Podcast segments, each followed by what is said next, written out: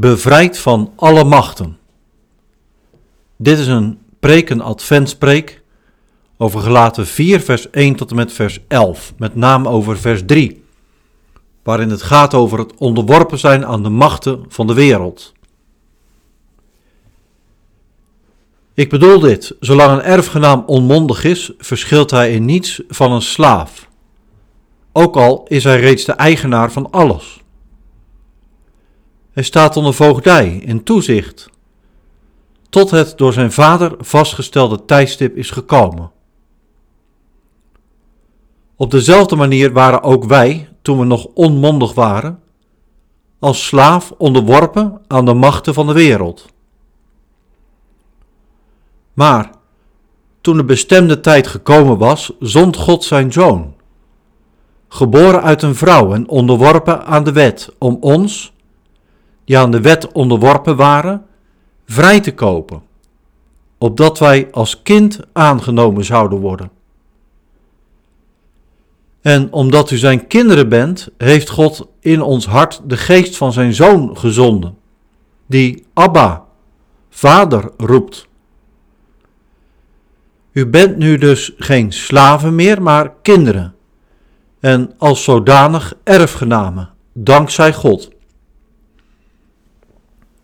Vroeger, toen u God nog niet kende, onderwierp u zich aan goden die helemaal geen goden zijn. Hoe is het dan toch mogelijk dat u zich nu, terwijl u God hebt leren kennen, meer nog door God gekend bent, opnieuw tot die zwakke, armzalige machten wendt en u daaraan weer als slaaf wilt onderwerpen? U houdt u aan vastgestelde dagen, maanden, seizoenen en jaren? Ik vrees dat al mijn inspanningen voor u zinloos zijn geweest. Tot zover het woord van God. Gemeente van de Heer, beste luisteraar. Nog even, dan is het kerst. Gelaten 3 en 4 laten zien wat kerst betekent.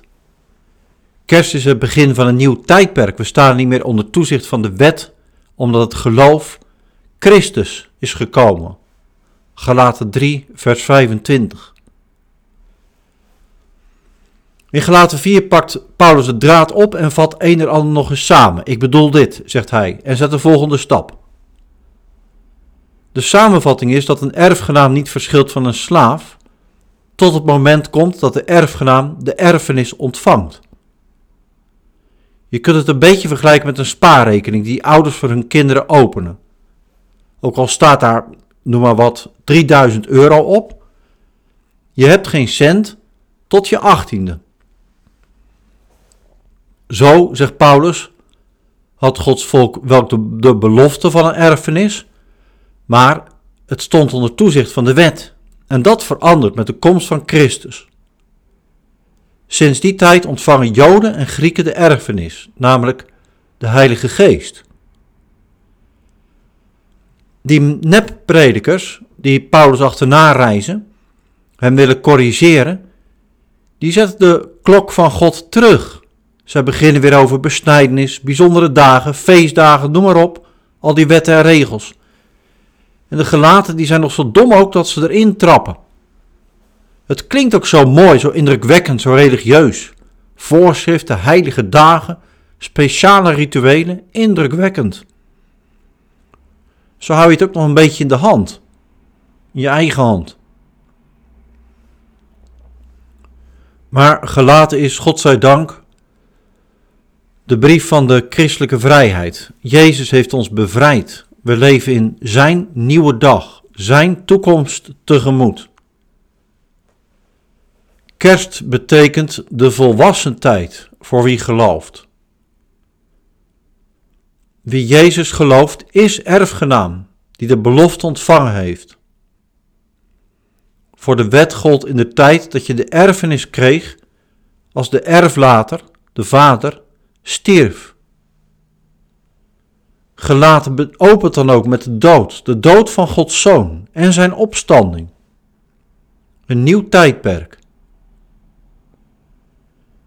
In de liturgie volgen we dit evangelie. Vanwege gelaten 3 en 4 hoe die spreekt over de wet, lezen we vanmorgen geen wet. En we zingen ook geen psalmen die zeggen hoe mooi de wet is. We zingen liederen over de hoop die Jezus geeft. In het spoor van gelaten gaan we richting kerst. Op naar de dag van het aanschouwen. Het tweede punt van de preek. Heb ik boven gezet, onvoorstelbaar goed nieuws. Na de samenvatting zet Paulus de volgende stap en die is adembenemend. De gelaten brief heeft al heel wat bijzondere uitspraken gehad. Denk bijvoorbeeld aan de zin: Ik ben met Christus gekruisigd, ik zelf leef niet meer, maar Christus leeft in mij. In Galaten 2. En verderop in de brief komen er nog heel wat van dit soort opvallende zinnen, die wij vandaag one-liners zouden noemen. Zinnen om nooit te vergeten. Paulus was flink op dreef toen hij deze brief schreef. Hier in hoofdstuk 4 staat een zin waar je, als je daar goed naar luistert, je hoofd over breekt. Het gaat om vers 3. Dat het zo opvallend is, ligt niet aan het feit dat er veel discussies over de vraag wat de machten of de elementen van de wereld, wat dat nou precies zijn. Het meest voor de hand ligt het om te denken aan ja, de basiselementen van het leven, aarde, water, wind, vuur, op grond waarvan men, heidenen, een godsdienstig systeem maakte. In het bijzonder kun je denken aan vastgestelde dagen en religieuze feesten. Lees vers 10. Je houdt je aan bepaalde dagen, je leeft volgens vastgestelde orde, wetten, regels.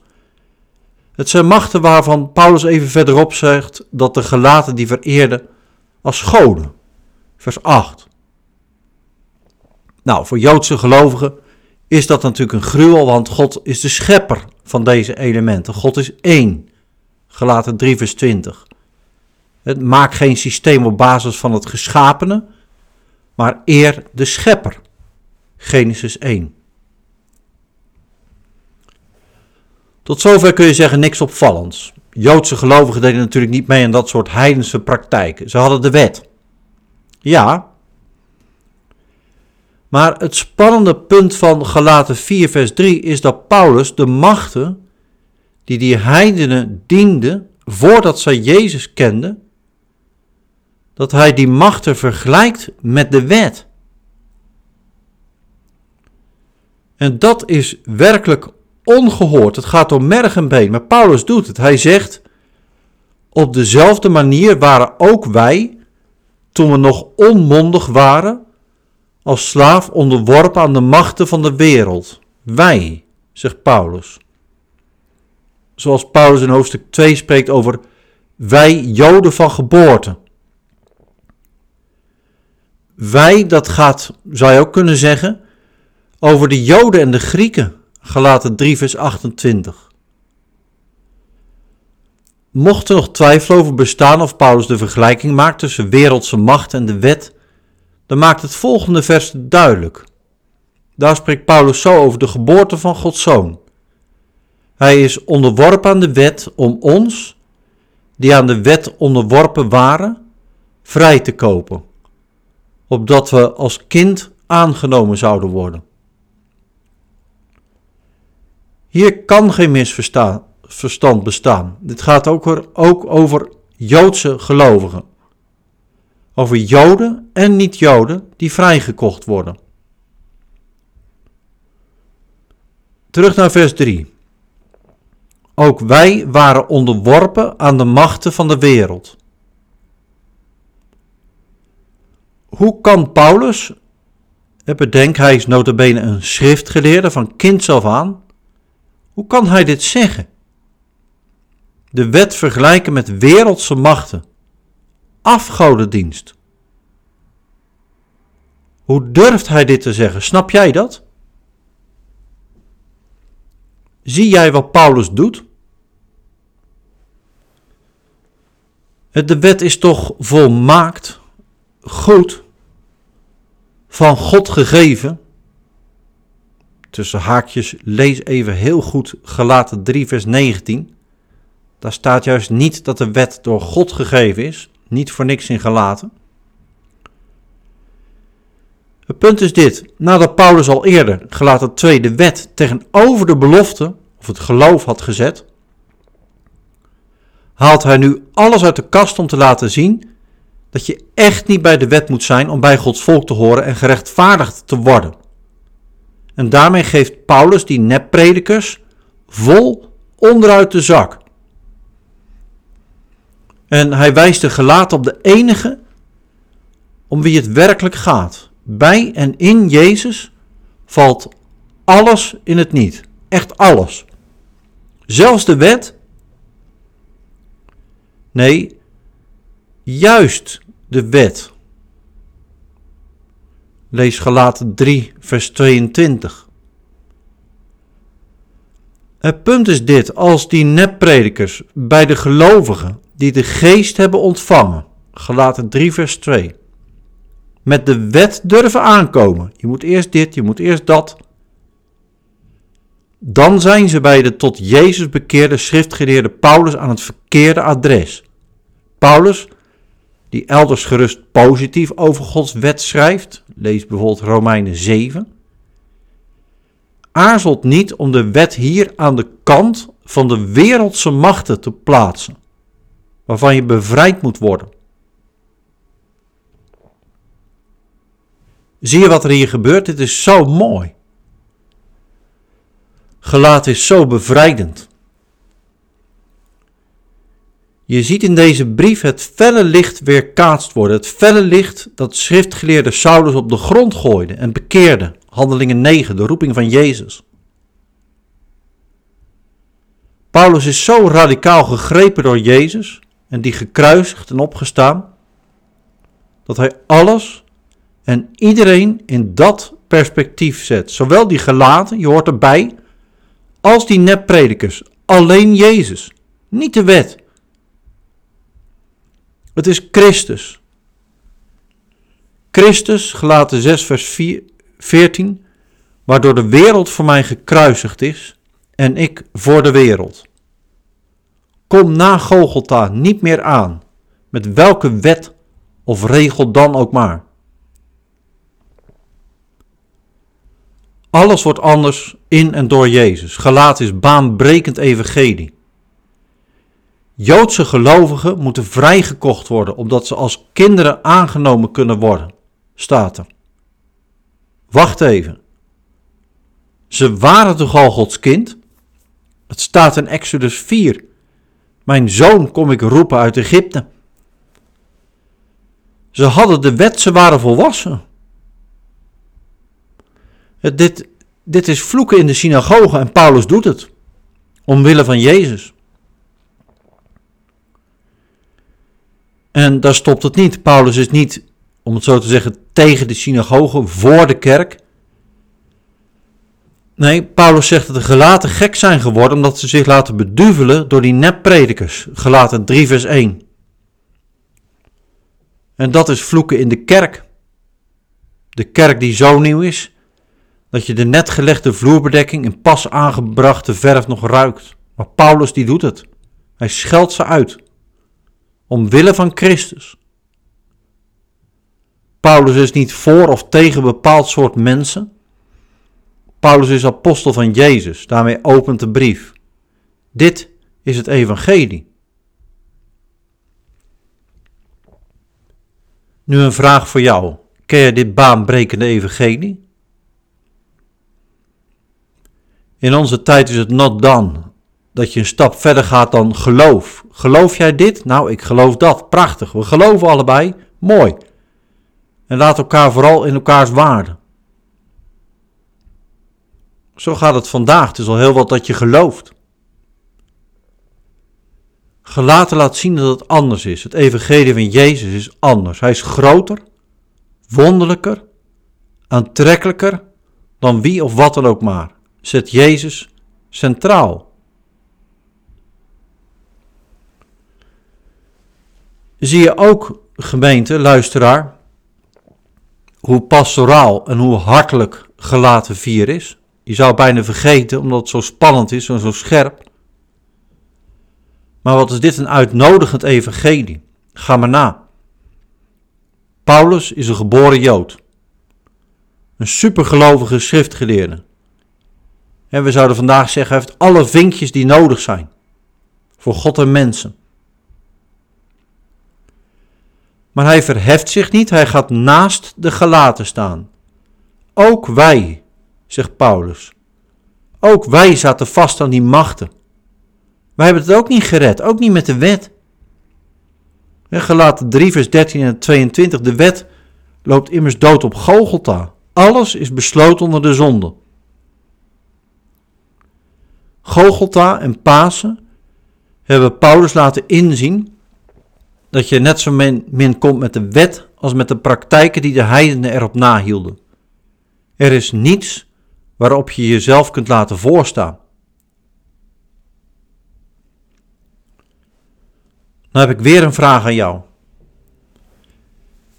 Ken jij dit evangelie op deze manier, waarop Paulus zo naast die heidense gelaten gaat staan? Denk daar eens aan. Als jij je atheïstische collega ontmoet, moet hij eerst anders gaan denken? Moet hij eerst, en daar komen de voorwaarden, en jouw islamitische buurtgenoot, zit hij fout en jij goed? Gelaten 4 spreekt heel anders en kijkt heel anders. Zet alles en alle in Jezus licht. Heeft Paulus een streepje voor? Heb jij een streepje voor? Paulus weet beter. We hebben te wijzen op die ene naam. Van Hem te getuigen. In Zijn naam lief te hebben en recht te doen. Dat doet ertoe. Gelaten 3 en 4 is haarscherp. Hier zegt Paulus wat hij elders, denk aan Romeinen 3, op een minder polemische, minder strijdvaardige manier zegt. Daar zegt hij: Zowel Joden als andere volken zijn in de macht van de zonde. Ieder mens wordt het zwijgen opgelegd. Heel de wereld staat schuldig tegenover God, want juist de wet leert ons zonde kennen. Maar nu is Gods gerechtigheid, waarvan de wet en de profeten al getuigen, zichtbaar geworden, buiten de wet om.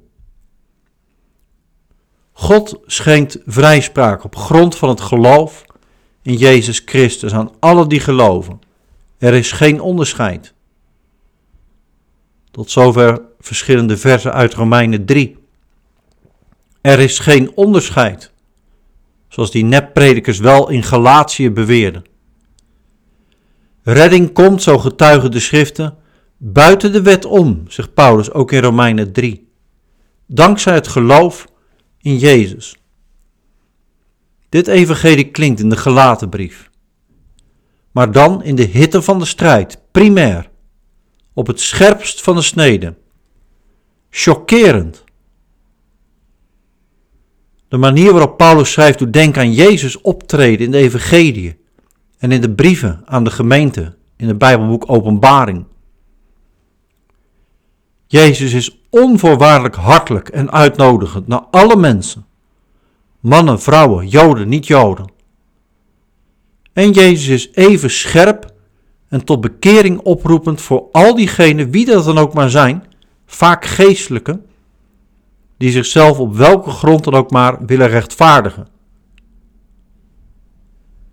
Bij Jezus gaat deze onvoorwaardelijke liefde en dat zuivere recht hand in hand, want Hij is één. Nou, in gelaten hoor je iets terug van die majesteit.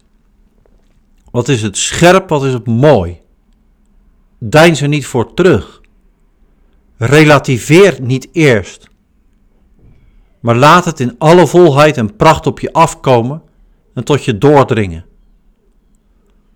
Aanvaard dit evangelie. Weet dat Jezus, Jezus alleen, je bevrijder is.